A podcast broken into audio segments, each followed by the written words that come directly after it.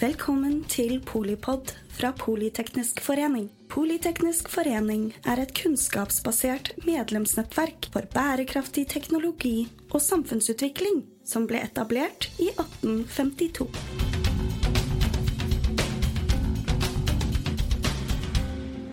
Velkommen til eh, frokostseminar i Politeknisk eh, forening. Jeg er Victoria Sparman, jobber i NHO og sitter også i styret i eh, denne foreningen.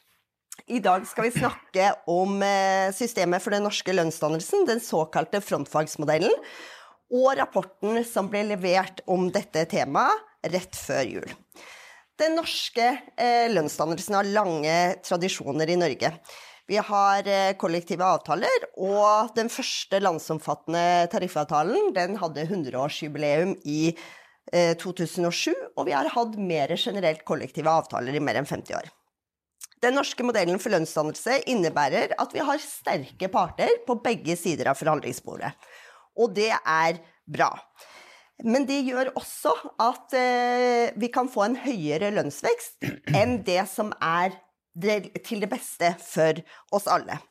Og årsaken til det er at man ikke tenker at når eh, man får en litt høyere lønn eh, gjennom at man har en økt forhandlingskraft, ja, så betyr det også at veldig mange andre kan få en høyere lønnsvekst. Så er det sånn at de fleste vil kanskje tenke at eh, man ønsker å få en så høy lønnsvekst som mulig, men baksiden av denne medaljen er jo at da øker også kostnadene for bedriftene, slik at ikke like mange bedrifter ønsker å sysselsette like mange, og dermed så går også jobbmulighetene ned. Så dermed så skaper altså den kollektive lønnsdannelsen i Norge et økonomisk dilemma. Og dette dilemmaet er det frontfagsmodellen bidrar til å løse. Vi løser det på en ganske enkel teoretisk måte ved at de som konkurrerer i, med utlandet, fastsetter lønnen først, og så følger alle andre etter denne kostnadsrammen etterpå. På denne måten så reduserer vi kostnadsveksten, vi reduserer konkurransen om arbeidskraft, lønnsveksten og arbeidsledigheten blir lavere enn det den ellers ville ha vært, og sysselsettingen blir høyere. Men i praksis er det mer krevende. For vi i NHO-området vi eh, forvalter jo om lag 250 tariffavtaler, inklusiv hovedavtalene. Og det betyr at eh, vi har ingen mekanismer for å straffe folk som ikke ønsker å delta i, denne, i dette systemet. Hele systemet er frivillig, og i år så forhandler Norsk Industri på arbeidsgiversiden og Fellesforbundet på arbeidstakersiden. Og så venter vi at de andre skal slutte opp om modellen. I NHO-området så er det stor oppslutning om denne modellen. To av tre virksomheter sier at de tror at denne modellen gir gode resultater for landet. Men det er spenninger også innenfor vårt område. Vi har eh, flere som synes at denne modellen virker godt for landet innenfor de som er i frontfaget, og færre blant de som er i følgefagene. Nå er det sånn at norsk økonomi står overfor ganske store utfordringer fremover. På kort sikt så har vi jo den høye internasjonale prisveksten som har kommet i kjølvannet av eh, pandemien og krigen i Ukraina. Og på litt lengre sikt så har vi utsikter til lavere aktivitet i petroleumsnæringer, lavere produktivitetsvekst, aldring av befolkningen og det grønne skiftet, bare for å nevne noe. Og det medførte at vi i NHO sammen med LO tok initiativ til å drøfte modellen i et partssammensatt utvalg nå før jul. Vi ønska å drøfte modellen i lys av disse utviklingstrekkene, men når vi sendte brev, så sendte raskt de andre hovedorganisasjonene også brev, og de ønska også å se på praktiseringen. Dermed så fikk vi et todelt eh, mandat for det partssammensatte utvalget, som også hadde med seg en del eksperter, noen av de her i dag. Eh, og det ble da kalt det såkalte frontfagsmodellutvalget. Og de leverte en rapport eh, før jul. Eh, de hadde 16 hovedpunkter som de var omforent om. Og i hovedtrekk så konkluderte de med at denne frontfagsmodellen den gir eh, bidrar til at lønnssystemet i Norge gir høy verdiskaping, bærekraftig lønnsvekst for landet, lav arbeidsledighet, jevn inntektsfordeling og gjennomgående høy reallønnsvekst og et lavt konfliktnivå både historisk og fremover. Men er det da så enkelt? Med meg i panelet så har jeg jo da tre eksperter på lønnsdannelse. Jeg har to professorer fra Universitetet i Oslo. Det er Ragnar Nymoen og Manu Deppuller. Velkommen til dere. Og så har jeg forhandlingssjefen i Tekna, Anders Kvam. Du representerer arbeidstakersiden. Så Eh, det blir veldig spennende å høre hva dere har å si. Men la meg starte da med deg, Ragnar. Du har lang fartstid i å studere lønnsdannelsen i Norge, og var også en ekspert i eh, utvalget til eh, frontfagsmodellutvalget. Og hva er dine viktigste resultater fra forskning og refleksjoner rundt den norske lønnsdannelsen? Takk for, takk for invitasjonen. Um, uh, ja. Hvor skal vi starte? Starte med et konstatering at opplegget for, eh, med leder og følger i lønnsdannelsen det har vært en viktig del av arbeidsmarkedsreguleringa i Norge i mange tiår. Det er et område der det er veldig mange interessemotsetninger mellom bedrifter og arbeidere, mellom grupper av lønnstakere. Det er motsetninger som må håndteres på en eller annen måte, og helst en sivilisert måte. Så når vi ser, hører Eia og, og, og, eh, snakke, og eh, Victoria, så er det jo lett å tenke at dette har vært klart veldig lenge. Men sånn har det ikke vært. Så hvis man vil få et sånn tidsbilde av hvor uklart og uavklart situasjonen var for ikke så himla lenge siden, iallfall for noen av oss, eh, rundt 1945 Rett etter krigen, da man skulle gå i gang med det sivile samfunnet igjen, da var ikke disse tingene avklart i det hele tatt. En god kilde å gå til er en uh, google Ragnar Frisch. Et, et uh, rasjonelt system for lønnsdannelse, eller rasjonell lønnspolitikk. Han, professoren, professoren, skrev da to kronikker i Arbeiderbladet, dagens Dagsavisen, om temaet. Og temaet var jo da rett og slett hvordan i huleste skal vi finne tilbake til et eh, sivilisert måte å løse interessekonflikter på. Han regna seg bort, kan vi vel si. Så det var andre som kom med gode løsninger, både fra arbeidstaker- og arbeidsgiverorganisasjonene, men også fagfolk, da, som Odd Aukrust f.eks. Så det opplegget eh, vi, vi, har med ledere og følger, det, sånn jeg ser det, så bidrar det først og fremst til å sørge for koordinert lønnsvekst i hvert enkelt lønnsoppgjør. Så det er en veldig praktisk eh, sak sånn sett. Og det avskjærer bl.a. Eh, bedrifter og også fagforening, forskjellige fagforeninger å engasjere seg i lønns-lønnskamp. Alles kamp mot alle, spesielt i situasjoner der det er knapphet på, på arbeidskraft. Hvis man er så heldig da, at man er i en situasjon med lav og tilsynelatende stabil ledighet. Så, og lønns-lønnsinflasjon er noe du ikke vil ha. Med referanse til debatten vi nettopp hadde om eh, inflasjon, importert inflasjon osv. Med lønns-lønnskamp så vil jo da importert inflasjon raskt transformeres til høy innenlandsk inflasjon, som jo er veldig kostnadsfullt å, å få ned. Så, eh, så, dette her med lønnsleder, lønnsfølger, som avskjærer alles kamp mot alle, det har et, et, et, et forsikringselement i seg. Eh, tror jeg kan, være riktig å si. Ja, Så spurte du om forskningsmessig belegg. Eh, det er bredt, da. Så eh, både matematisk modellering og samtidshistoriske studier viser jo at lønns-lønnseffekter har vært, om ikke fraværende, så iallfall vært kraftig neddempa i Norge i, i mange tiår. Det tror jeg man kan si. Det andre, Et annet helt sentralt aspekt ved systemet, eh, med lønnsleder og følger, er at det framfor alt er en helt sentral mekanisme i den funksjonelle inntektsfordelingen. Altså en helt primær interessekonflikt. Hvordan verdiskapningen fordeles mellom kapitaleiere og, arbeidere. Det er kanskje det som er den aller viktigste enkeltdimensjonen. Så kort sagt så gir jo da modellen, hvis den fungerer som den skal, etter intensjon, og det er jo ikke alltid, det kan jo sies, men eh, etter teorien, da, så eh, gir modellen et riktig lønnsnivå for landet. Intet mindre, da. Så for oppgjørene i front det genererer en trend i lønnsveksten, eller lønnsnivået over tid, som er avbalansert mot lønnsevnen i, i næringslivet, og spesielt i denne berømte K-sektor, som vi liker å holde levende. Um, så den gir en balanse i den trendmessige veksten i, i, i, lønna, som er også forenlig med markedsbestemte krav til kapitalavkastning. Så tilbake til dette her med det enkelte oppgjør igjen. Eh, koordinert lønnsvekst gjennom at rammen fungerer som en norm i det enkelte oppgjør år etter år etter år. Det bidrar jo til å opprettholde eksisterende relativlønninger, lønnsforhold.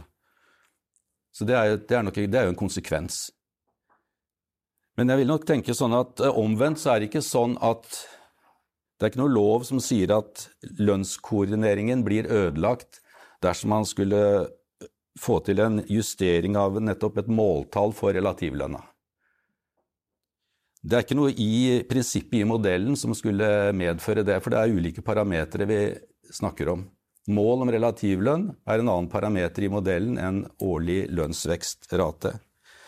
Så jeg vil si at modellen gir en rom for fleksibilitet, eh, i prinsippet i hvert fall. Problemet er vel at i gjennomføring av oppgjørene så er det ikke noen mekanisme i, i, i praksis da, som, eh, til å håndtere ønska justeringer av relativlønningene. Det er blitt skjøvet litt til side, overlatt til markedskrefter, eh, jeg vet ikke hva, men det er iallfall ingen avklart mekanisme i enkeltoppgjørene som, som, som gir et hånd å, gripe fatt i der. Men det er kanskje også rimelig, da. For i fastsettelsen av et langsiktig sånne nivåparametere, så bør man legge vekt på Bør ikke legge for stor vekt på den helt korte sikt. Og jeg vil nok tenke at ett til tre år er forholdsvis kort sikt i, i den sammenhengen her. Så jeg er straks ferdig, Victoria. Eh, det er fullt av paradokser, dette systemet. For i frontfaget så er det jo helt annerledes. Der er jo nivåjustering en helt naturlig ting. Det skjer helt naturlig, for det er jo nettopp justering av lønnsnivå mot lønnsevne som, som er sjølve saken. Så det er ikke noe problem i front, dette her med, med, med, med lønn, med, nivåjusteringer. Men, men, i følgerdelen så er det et, et større issue, da. Men eh, for å støtte flertallet litt her, da, så merka jeg meg jo at de skriver jo at eh, lønnsdannelsen eh, må være fleksibel nok til å understøtte en effektiv allokering av arbeidskraften. Gjør det. Så systemet er basert på frivillig tilslutning. Det er noe helt veldig særegent med så koordinert lønnsdannelse basert på fullstendig frivillighet, eh, sammenligna med mange andre land. da. Så det forutsetter jo at alle parter setter noe av sin reelle eller innbilte beslutningsrett til side, da.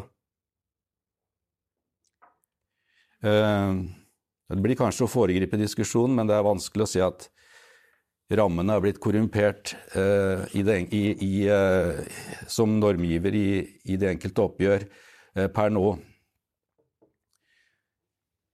Så hvis vi skal snakke om en fornektelse av ramma som normgiver i følgefagene, det vil jo innebære, som jeg ser det, en svekkelse av frontfagsmodellen. Det kan tenkes at flere henger seg på. Alles kamp mot alle, lønns- og lønnsinflasjon osv. Jeg tror også at hvis ramma skulle vise seg ikke lenger å fungere som norm for lokale forhandlinger, så vil også interessen for å følge ramma i front bli svekka. Det vil være vanskelig å gå i en troverdig ramme for lønnsveksten dersom ramma ikke har noen innvirkning på de etterfølgende lokale forhandlingene eh, i de årlige oppgjørene. Så det vil kunne underminere modellen i front, da, så å si. Men eh, dette siste var spekulasjon fra min side. Jeg har ikke hørt noen true med det, det ennå, da. Så det var det jeg hadde tenkt på, Victoria. Ja, og det er jo veldig interessant, og vi kommer jo til å komme tilbake til en del av de momentene som du nå tok opp. Altså, eh, jeg bare lurer på et lite sånn oppfølgingsspørsmål. Eh, du snakker om kapp, eh, det, knapphet på arbeidskraft, og at det kan føre til lønns-lønnsspiraler. Men det, vil det alltid være tilfellet bare når det generelt er veldig lav arbeidsledighet i samfunnet, eller kan man tenke seg at eh, en sånn type knapphet på arbeidskraft vil kunne oppstå også i perioder hvor det er veldig høy arbeidsledighet, og, eller er det bare på en måte i, i enkelte perioder? Nei, jeg tror ikke at det er betinga av, av det, det, du, det, du, nevner. Men det er jo lettest å bringe inn som et tema i, i, den pågående utviklingen av modellen, som jo skjer i praksis. Siden det er et samfunnsfenomen, så er det jo under endring hele tiden ja. i en sånn situasjon. da. Nettopp. Men at du kan få det samme på 6% 7% 8% ledighet, det tror jeg nok. Også en annen ting som du jo selvfølgelig bringer opp, og som vi er nødt til å snakke mer om, det er jo det at eh, selv om eh, det var 16 punkter som utvalget forente seg om, så var det jo også sånn at eh, det var noen mindretallsmerknader. Og de skal vi komme tilbake til mm. litt senere. Men eh, Manu Depp, eh, du, eh, velkommen til deg også. Du har jo studert lønnsdannelsen i Norge, men fra litt, eh, et litt annet perspektiv enn det Ragnar har gjort. Han har vært mer makroorientert, du har vært mer eh, mikroorientert og har flere artikler både på en som jeg syns har en veldig fengende tittel, 'Facts and Fantasies about the Collective Wage Bargaining'. Eh, og så har du også en del som går på utdanning, og, og som gir liksom denne komprimerte, denne komprimerte lønnsstrukturen vi, eller lønnsspredningen som vi har i Norge, gitt modellen. Eh, og det har du sett litt mer på. Eh, hva, hva, har du lyst til å si innledningsvis? Så takk for invitasjonen. Eh, dette er veldig fint å være her. Eh, jeg bare begynne med å si én ting, og det er at eh, arbeidskraft er den viktigste ressursen vi har. Ehm, hvordan vi utnytter den, det har å si veldig mye for verdiskapning, for økonomisk vekst. Og den norske modellen, altså det norske systemet for lønnsdannelse, det er jo med på å avgjøre avlønninga til arbeidere eh, og lønnskostnader for bedrifter.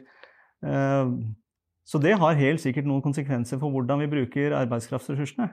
Eh, og frontfagsmodellen, som er på en måte slags sånn Det kommer opp gjerne diskusjoner av lønnsmodellen, er kjernen av det er jo også en del av det som vi må forstå bedre. Og dette jo, det var jo det eh, dette utvalget ble nedsatt for å, for å, se på, og jeg mener de har, de har jo gjort eh, veldig mye bra her. Og de, det er jo kunnskapsrike folk, som vi hørte på Ragnar her. Eh, og de har fått fram veldig mange interessante mekanismer og utfordringer som, eh, som er i vente.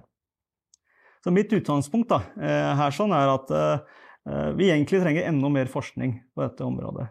Dette er jo et tematikk som har eksistert altså lenge. Det er lang tradisjon eh, både i norsk næringsliv, altså hvordan det har vært praktisert, eh, men også faglig lang tradisjon. Eh, I hvert fall tilbake til 60-tallet, kanskje lenger. Men det har vært dominert, vil jeg si, av samfunnsøkonomer med Og jeg er selv samfunnsøkonom, men det har vært dominert av samfunnsøkonomer med gjerne makroøkonomisk bakgrunn, og, og de som er interessert i internasjonal økonomi. Eh, jeg mener ikke det er noe feil med det. Jeg mener det, det er masse interessant Og dette er jo tematikk som går på makroøkonomi, så det er interessant virke, altså hvordan økonomien virker, uh, vet vi veldig mye om. Men samtidig mener jeg at vi må også involvere andre tilnærminger og andre felt som må studere dette fenomenet på litt andre måter. Og hvorfor mener jeg at det er viktig? Vel, i siste kanskje 20-åra har det vært en eksplosjon i tilgjengelighet av mikrodata. Så vi kan følge de samme arbeiderne over tid, og bedrifter over tid. Hva er det som skjer med dem? Hva hjelper det oss? Vel, da kan vi prøve å teste noen av de hypotesene som modellen har. Vi kan prøve å teste noen av de antakelsene som modellen har. Det, det tenker jeg er veldig viktig både for forståelse, men også for egentlig framover oppslutning om modellen. Altså Hvis vi tenker at dette skal vare, så må det være fundert i noe som vi kan tro på, som er på en måte kausale sammenhenger, eh, som vi har holdbarhet eh, om. da. Så det har vært utgangspunktet mitt. I en artikkel som du eh, nevnte, Victoria, om facts and fantasy, så hadde vi egentlig litt, litt overordna perspektiv der. Altså Vi sammenligna litt uh, ulike systemer som finnes i forskjellige OECD-land. og det er jo vi har jo en, som vi har vært inne på, altså dette er en sentralisert eh, lønnsdannelse med koordinering som vi har i Norge, og det er en del land som har det. Men så er det andre land som har måte, mer sektorvise, altså sentraliserte lønnsforhandlinger der òg, men det er mindre grad av koordinering på tvers av sektorer. Og så er det selvfølgelig en del andre systemer der ute med, med altså mer eh, altså mer eh, bedriftsspesifikk lønnsdannelse. Så det, det, er jo noen fordeler og ulemper her som vi kommer antagelig eh, tilbake til. Det som for oss var viktig der, altså som en slags hva er det som er viktige kjennetegn ved det norske systemet? At det prøver å balansere noen hensyn, virker det som. Altså det er Lønnskrav for én gruppe det kommer til å påvirke kjøpekrafta for noen andre. Og etterspørsel fra bedriftene etter andre arbeidere. Så det, det er noen eksternaliteter i, i den type oppgjør, og det, det, er på en måte det norske Enhver koordinert system vil kunne på en måte ta inn over seg sånne eksternaliteter, er tanken. Samtidig så har vi jo en slags sånn totrinnsforhandlingssystem. Og der er det jo også fleksibilitet, som Ragna var inne på, i, i særlig privat sektor. Der, der, vi har lønnsglidning og forhandlinger som foregår også på lokalt nivå. Med mindre grad av det i offentlig sektor. Så der er det noen spenninger som, som dukker opp. Uh, så er det en ting som jeg har lyst til å komme tilbake til, mens dette med testing av noen antakelser. Og en viktig ting, altså I alle premissene i alle diskusjonene av frontfagsmodellen så ligger det en premiss om at det er to veldig forskjellige sektorer, altså konkurranseutsatt sektor og skjerma sektor. Så er det sånn at uh, En av de liksom, viktigste antakelsene jeg tenker utgangspunktet, er jo at konkurranseutsatt sektor ikke kan påvirke altså sette lønning, uh, lage prisene, så, altså De kan ikke velte kostnadene sine over i priser. Så hva forteller tallene? så det er jo noen som har prøvd å se på dette. da. Det er en gruppe forskere fra NHH som kom ut med en arbeidsnotat noen, noen uker siden. Og hva finner de?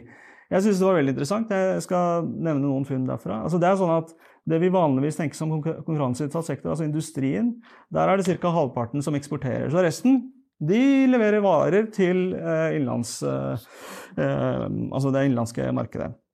Okay. Og så hvis man ser på konsentrasjon, altså det er mål på markedskonsentrasjon, så er det høyere i industrien enn i resten av privat sektor. Okay, så Isolert sett så skulle du si at ja, det er noe prissettingsmakt i industrien. Og så går de videre og ser på produktpriser da, som man tar i industrien. Der er det sånn at, Og så har de sjokk til arbeidskostnader. Så ser de at ja, til og med industrien så kan du velte over eh, noen av kostnadene til, over i priser.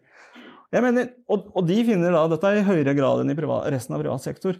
Og det er for meg et tankekors. altså Det går på en måte egentlig mot hele den uh, tankegangen man har, at, at, konkurranseutsatt sektor ikke kan påvirke prisene. Jeg mener ikke at vi skal legge bort frontfag av den grunn, men jeg mener at det er viktig med den type forskning for å måte fundere de antakelsene vi har i en modell. Uh, og, og det, dette, er jo ikke, dette er jo en enkeltstående studie som det må fagfellevurderes og det må replikeres av andre for å se om det er hold i disse funnene. Men utgangspunktet mitt eh, i den diskusjonen er at vi må gjøre den type studier mer av. Altså vi må, vi må teste mer hva vi, hva vi, har i modellene.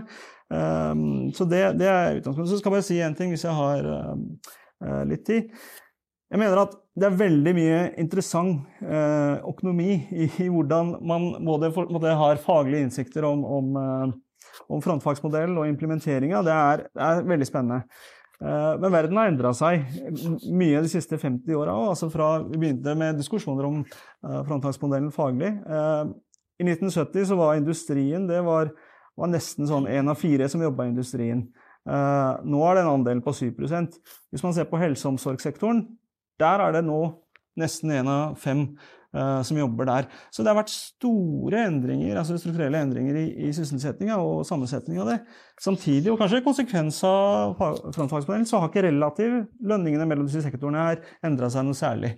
Så det er veldig interessant at faktisk har så Det er en implikasjon av frontfagsmodellen som ser ut til å liksom gi det. Samtidig så har det vært strukturelle endringer. Mm. Så kan man ta det og si at ja, men da kan det bare fortsette. Da, da, da er det ikke noe problem. Vi, vi takler måte, strukturelle endringer for det systemet. Jeg mener Det er ikke så enkelt, fordi over den samme perioden her, og dette nevner jo frontfagsutvalget òg, så har det vært en enorm økning i sysselsetting blant kvinner. Altså Det var utnytta ressurs der, der du kunne liksom ta imot Du kunne gjøre kvantumstilpasninger uten å nødvendigvis endre på relative priser, altså relative lønninger. Eh, den ressursen har vi ikke lenger. Altså Nå er sysselsettinga blant kvinner omtrent det samme som menn. Så hva skjer framover, er egentlig den største utfordringa, sånn som jeg tenker det, for den modellen. Mm.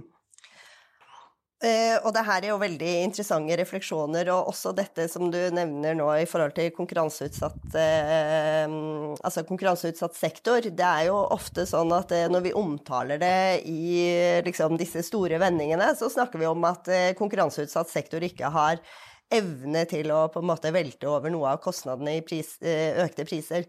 Men så har du jo helt riktig at det er jo bare en del, og det skriver vel også om ikke dette utvalget, så er det i hvert fall en rekke andre utvalg som har vært tidligere på nettopp frontfagsmodellen, og som har kategorisert da at det faktisk bare er om lag en tredjedel av virksomhetene som vi tenker på eh, som frontfaget, eh, som faktisk er eh, ren, rent ut konkurranseutsatt. Og det er også mange andre eh, næringer som ikke er innen dette frontfaget, men som likevel er eh, konkurranseutsatte.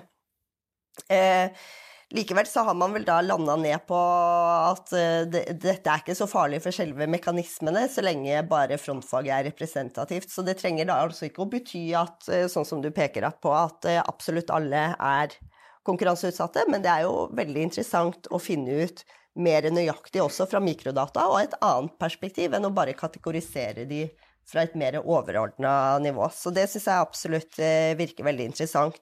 Og så nevner du en annen ting, og det er jo disse spenningene. Eh, og her, eh, Anders Kvam, du er jo forhandlingssjef i Tekna, og du forhandler mye lønn på eh, det praktiske, helt konkrete nivået. Hva tenker du om frontfagsmodellen? Du har jo bl.a. sagt at en av de premissene som, som, står i utvalgets rapport, er jo at du har en høy tariffavtaledekning. Men du eh, har nevnt for meg at eh, bl.a. det kan være litt krevende nettopp fordi at man har frontfagsmodellen, og at eh, enkelte i, i, i offentlig forvaltning som er høyt utdanna, eller høyt utdanna personer, ønsker å kanskje stille seg utenfor tariffområdene for å gjøre noe annet. Så jeg tenker eh, å høre litt ifra deg er jo veldig interessant. Jo, takk. Takk for invitasjonen. Og jeg skjønner at jeg skal være litt krydderet i, i, panelet her. Eh, eh, jeg, er mer, jeg, er nok mer opptatt av tariffavtalenes effekter og betydning enn den store modellen, selv om dette henger sammen. Og uten å svare direkte på spørsmålet, så, så hopper jeg rett i det, det jeg hadde tenkt å si først. Mm. Forhandlingssjef i privat sektor er litt greit å ha med hos oss. Vi Tekna har dere har 105 000 medlemmer, 60 av de i privat sektor. Privat sektor tunge. Eh, og jeg er ikke økonom. Eh, selv om noen tror jeg er jurist, så er jeg ikke det heller. Eh, jeg er sivilingeniør. Men eh, som jo vi har mange av i, i våre rekker. Eh, at jeg skal sitte her og snakke for arbeidstakersiden, det er nok å dra den litt eh, langt. dog er, ja, vi er arbeidstakersiden, men vi er definitivt ikke hele. vi er en del av den. Som er kollektive i privat sektor. Det er veldig viktig å ha med det. Vi er kollektive. Vi søker de kollektive forhandlingene. Og det er jo, hvis man ser ut av landet, ikke nødvendigvis noe våre grupper gjør overalt. Langt derifra. Eh, vi kjenner ikke mange andre søsterforeninger hvis du sier det sånn, som driver lønnsforhandlinger som vi gjør oppe, oppe i nord her, eh, for å si det sånn. Og For oss er det viktig. Det er viktig å ha et organisert arbeidsliv, og da er det viktig også å ha, ha, ha disse rollene. Eh, og at vi er attraktive på det. Så ta et bakteppe til. Du nevner at jeg forhandler lønn. Jeg forhandler ikke ei krone, nesten. For våre gjør det ute i virksomhetene. Det er en veldig viktig side av det. Det er der det skjer. Eh, så det jeg forhandler, det er noe tariffavtaletekst med dine venner i NHO f.eks., som er vårt største avtaleområde. Eh, så er det sagt. Eh, Frontfagsmodellen er jo med oss, og den er, en, er jo en del av samfunnet vårt. Eh, og jeg kan jo, Nå får jeg jo se hva Tekna mener når det er på høring, dette. Vi har ikke sittet i dette utvalget. Jeg kan tillate meg å være litt sleivete uh, innimellom, det kan jo sprite opp debatten litt, grann, kanskje.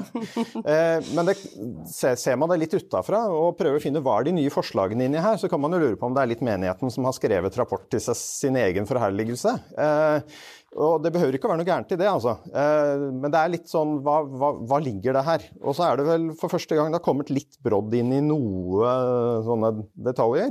Og da kan jo jeg velge om jeg skal si halleluja til de store effektene som vi ikke nødvendigvis Altså som vi ikke er uenig i. Eh, altså, det er jo en samfunnsmodell her også.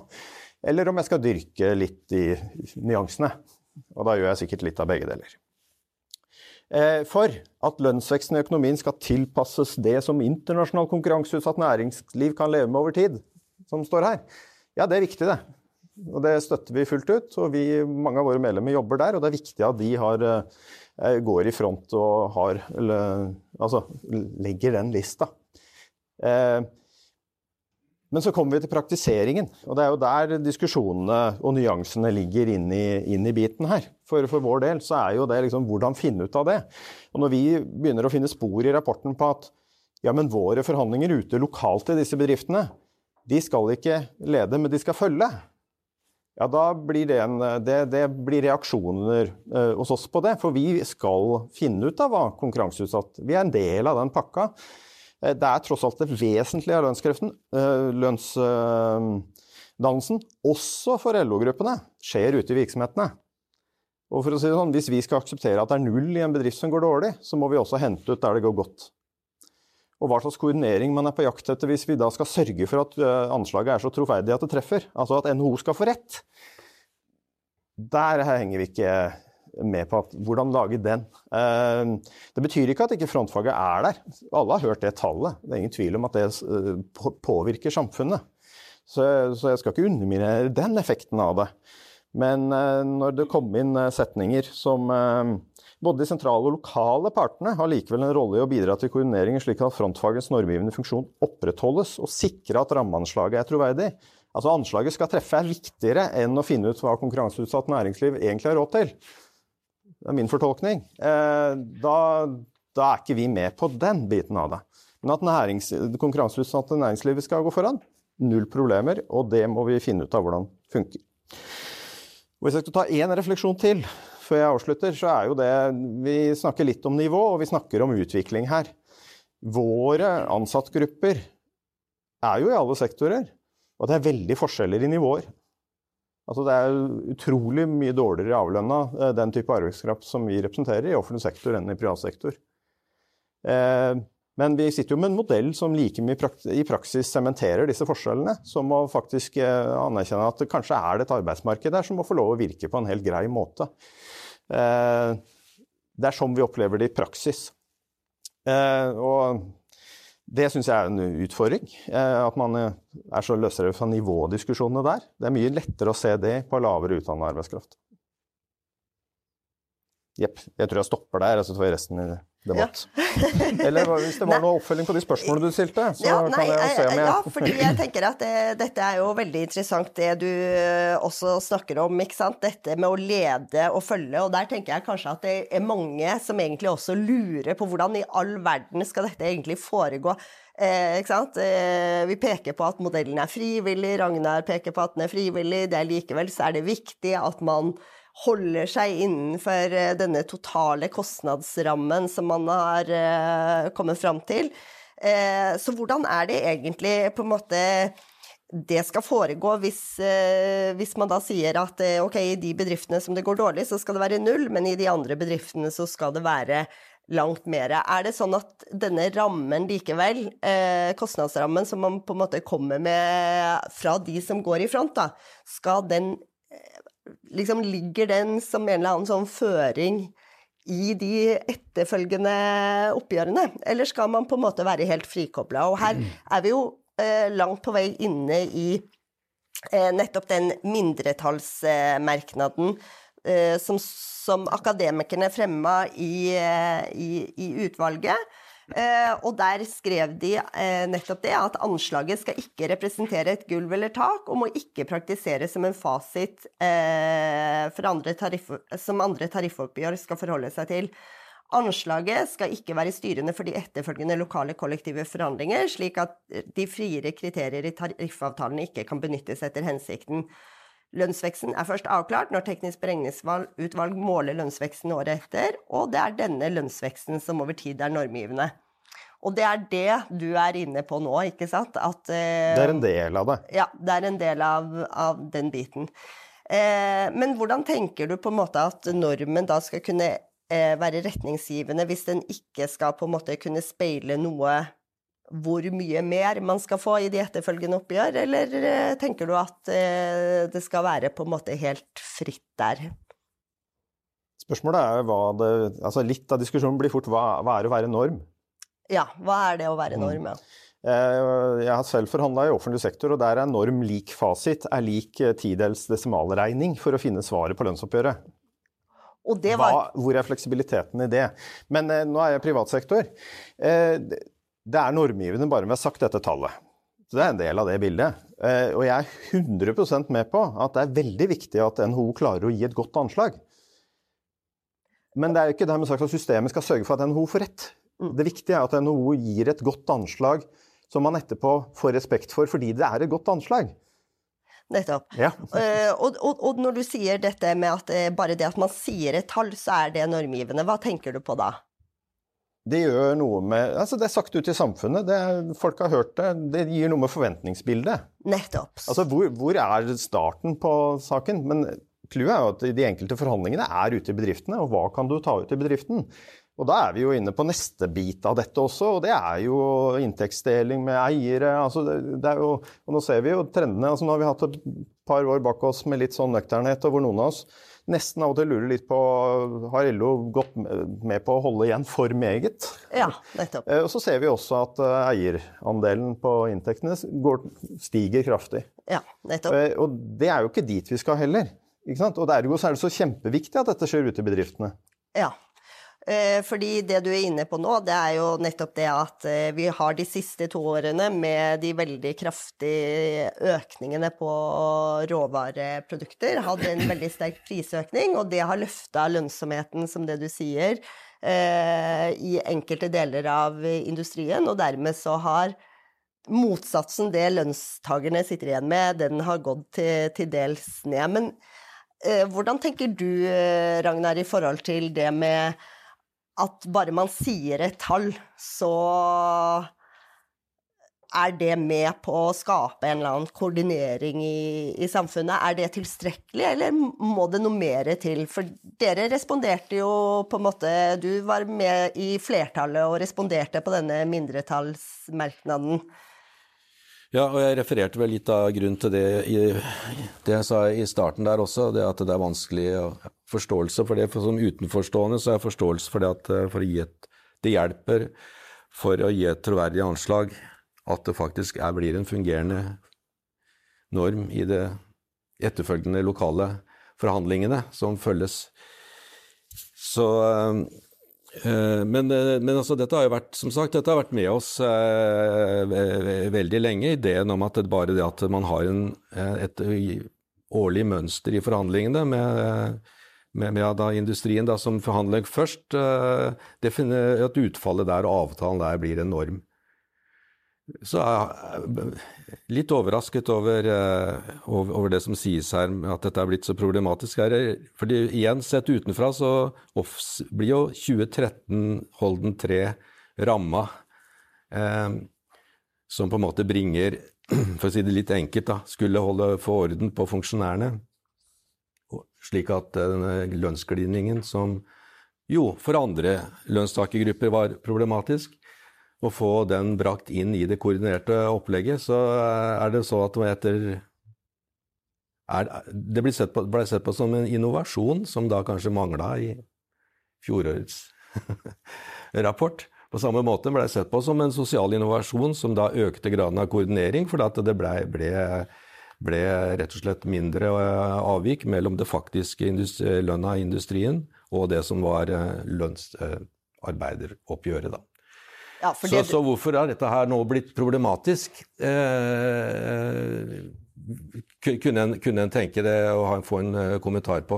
Det, siste, det, andre jeg tenkte på, var jo det så, så, som jeg også er nysgjerrig på. Det er, det er dette her med at uh, lokale forhandlinger Der er det jo, har jo akademikerne spesielt full kontroll og frihet til å forhandle profilen på på oppgjøret nettopp lokalt.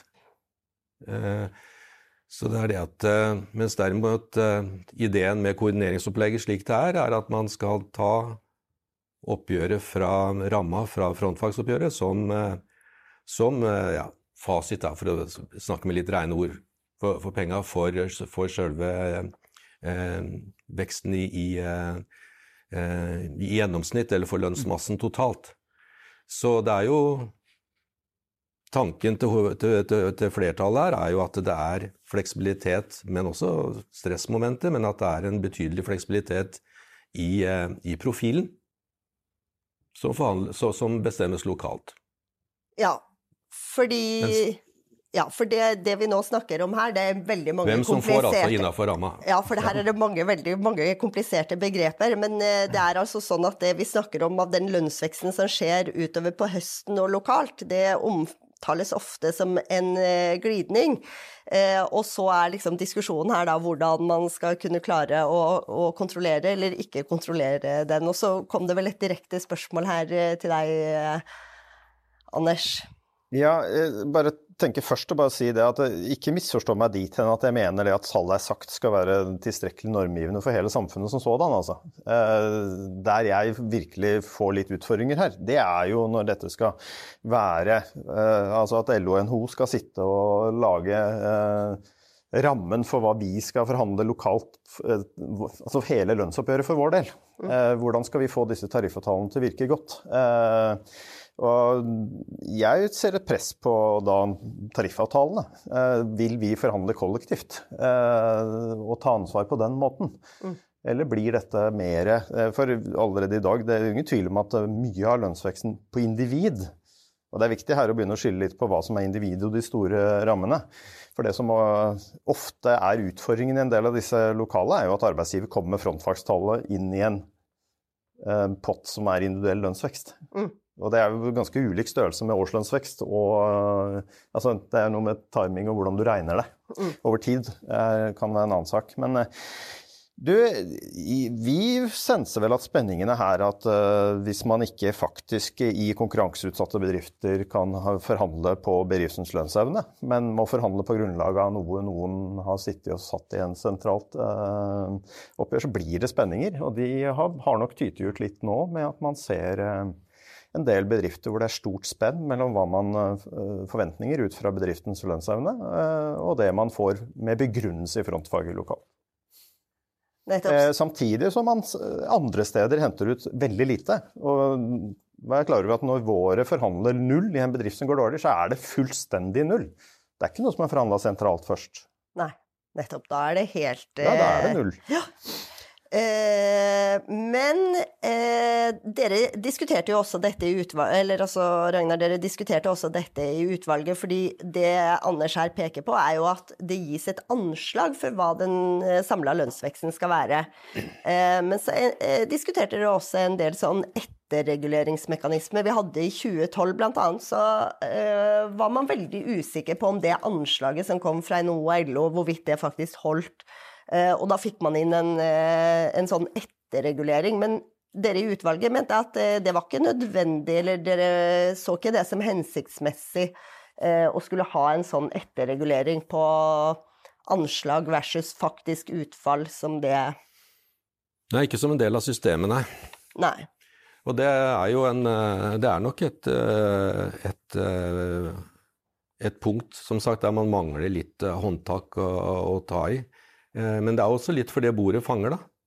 Det er, eh, kan, kunne man tenke seg, at det er alltid noen som vil eh, ha gode argumenter for at det er relativlønningen til min gruppe bør opp. Så det er en slags objektivitet i, i den dimensjonen der. Det er litt vanskelig å få inn i systemet, og derfor så er det vel ikke representert helt. Eller det er ikke, det er, det er ikke noe mekanismer der. Og man vek litt unna på det punktet der, det går vel an å si. Litt på grunn av at eh, ja, Unio er ikke her, da, men det var liksom den andre opprøreren her. Siden akademikerne. Akademikerne var jo på en måte de som ser minst akademisk på modellen. Ja, ok. Men, eh, men, eh, men, men, de var jo veldig på at det var alt det, å kritisere gjennomføring, gjennomføring, gjennomføring. Kanskje det var et feilspor, at man burde invitert Øystein Dørum, eh, Roger Hammersland og Steinar Holden til å tenke konstruktivt rundt systemegenskapene. Altså, altså nettopp det, det er en Skriver man det er en matematisk modell for dette her, så er lønns, relativ lønn en parameter i modellen på lik linje med andre. Kunne diskutere systemet for å sette den opp til diskusjon. Mm. For da Det er jo en super inngang over til deg, Monne. For det her er jo nettopp det du uh, har studert i mikro. Du, du, har jo sett på denne lønnsdannelsen, og du ser jo bl.a. på hva gir eh, høyere utdanning, hvilken lønnsuttelling gir det, osv. Altså, er det noen ting som du liksom reflekterer rundt nettopp det å, å bevare de relative lønnsforskjellene på denne måten? Altså, det, er veldig, det er jo litt ulike hensyn her. Jeg må bare si at Det er veldig interessant, og det er noe vi bør egentlig få med oss, det Ragna sier om at uh, relative lønninger, altså de parameterne som definerer det, det er, det er egentlig noe som ikke frontfagsmodellen per se legger føringer på. Altså det, er, det er mer veksten i lønningene uh, som, som, på en måte bestemmes i, i modellen. her. Så jeg, jeg, tror det er et veldig viktig poeng uh, for oss også. Uh, når det gjelder liksom avkastning av utdanning, så er det, det er litt sånn Jeg må bare si at det er jo to ting vi må huske på. Det er sånn at det er små lønnsforskjeller etter utdanning. Uh, i Norge. Uh, men også for Hvis vi skal tenke på den privatøkonomiske avkastninga av utdanning, så er det, det er jo kostnadene ved å ta utdanning i Norge, det er stort sett den tida du bruker på det, hva du ellers kunne fått i marked. Det er relativt lave kostnader. altså Det er avhengig selvfølgelig av hva tida di har vært, men, men sammenligna med liksom andre land, så er det relativt lav eh, kostnad. Sånn at total avkastning, hvis vi skal sammenligne fortjeneste versus kostnader, den er egentlig ikke så dårlig. Den er, den er, bra, den. Og det ser vi jo at det er mange som tar utdanning. Vi har flere som tar utdanning. Problemet er jo mer det at noen av de mer kunnskapsbaserte eh, altså sektorene, altså der vi trenger folk som har en viss type utdanning, eh, der er lønnsforskjellene antagelig for små eh, for å altså, få folk inn. Vi vet jo fra noen tall eh, fra noen tilbake at en tredjedel av lærerne, altså de som har hatt lærerutdanning, jobber ikke som lærere. Og det er tilsvarende tall for sykepleiere og andre yrker. Så, så der er det noe med også på en måte utvalget. og jeg tenker Det er jo i tråd selvfølgelig med hvordan man tenker innenfor frontfagsmodellen, at tilpasningen må være gjennom uh, på en måte kvantumstilpasning. Man snakker om ekstra studieplasser, at man må utdanne flere sykepleiere og lærere osv. Men hva hjelper det hvis, hvis man åpner studieplasser, men de står ledig? Altså Hvis ikke folk vil gå inn og ta de utdanningene fordi at lønna ikke er der. Mm. Uh, jeg tenker Det er noe vi må tenke nærmere på. Altså. Så, så, så, bak, så, tilbake til det poenget med at okay, det er ikke sånn at relative lønningene må holdes fast. Uh, men det må, eventuelle endringer i det må jo, hvis man skal holde seg til denne modellen, må jo forankres mellom partene. Ja, for... eh, og en sånn endring tror jeg ikke er brudd med frontfagsmodellen. Det, det, det, kan gjøres en gang, og så er det, eh, kan man både holde seg til frontfagsmodellen. Ja, fordi, det, er, det, er, sånn jeg tenker. Ja, nettopp. fordi at Du sitter jo også i lavlønnsutvalget, for der får man jo på en måte til noen sånne eh, endringer kanskje i relative lønninger, med å gi enkelte overenskomster lavlønnstillegg.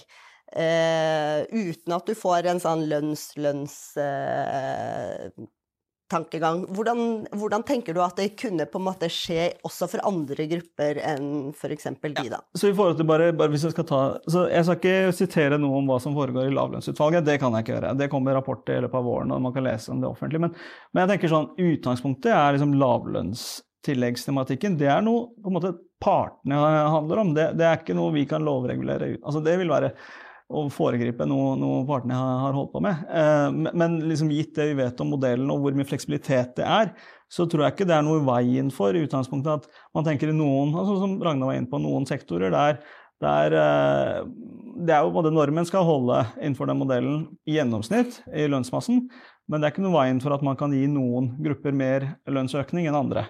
Men, men da må noen få mindre? Da må noen få mindre. Nettopp. Anders, hva tenker du om dette?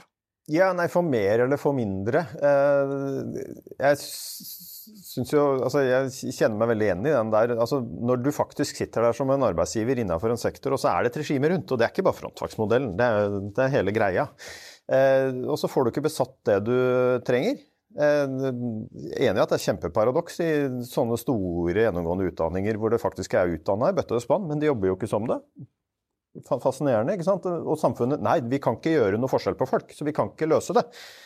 Eh, kanskje vi skal tenke en gang til på hvordan håndtere verden. Eh, for egen del så ser jeg jo at eh, jeg er sjøl ingeniørutdanna, og en del av det jeg er utdanna til, det dreiv man med i stat og kommune for eh, en del år tiår tilbake. Det gjør man nesten ikke i det hele tatt i dag, for de har ikke vært villige til å betale for den kompetansen. Så i dag så kjøper de de tjenestene ute i stedet. Er det bedre for samfunnet? Jeg er ikke sikker på det. Eh, men det, er det villa utvikling? Nei, det er jeg heller ikke sikker på. Eh, men det er noe med Summen blir sånn. Og på, og det, det, er ikke så rart hvis du ser på TBUs De har jo noen sånne eh, lønnssprednings etter utdanning og sånne uh, grafer. Jeg syns ikke det er rart det skjer i det hele tatt, når du ser hvordan det ser ut og hvor stor forskjell det er mellom.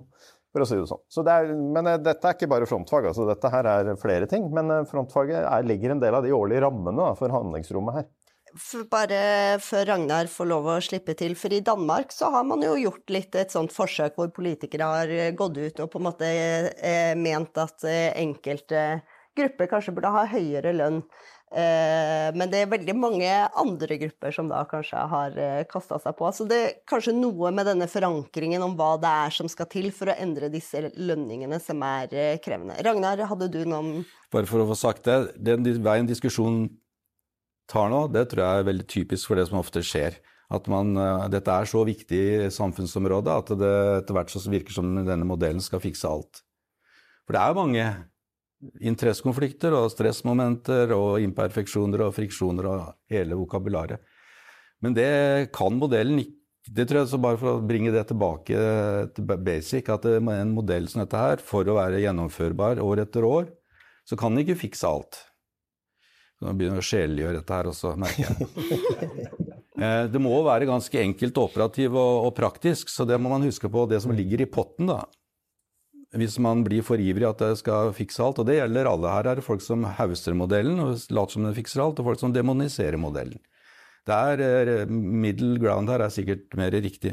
Men det, det som ligger i potten, tror jeg, det jeg starta med, det er en verdi for samfunnet å hindre betale en forsikring for å unngå lønns-lønns spiraler og alleskamp mot alle. Det vil funke på en eller annen måte, men det er en pris der, kanskje i form av mer variasjon i arbeidsledighet og renter, da, som veien går først om renter og så til arbeidsledighet. Det er, og det andre er eh, at det er antakeligvis en fundament Det er en måte å, å, å sikre en eh, Så lenge man er enig i at man skal opprettholde en konkurranseutsatt industri, så setter en riktig lønn for, for, landet. Da. Så det er to viktige ting som ligger i bunnen der, da, som kan gå i frø, kanskje. Da tror jeg jeg skal takke panelet for eh, veldig interessante refleksjoner. Eh, og så ønsker jeg dere vel videre til andre interessante oppgaver i løpet av dagen. Takk for oss. Takk lyttet til Polipod fra Politeknisk forening.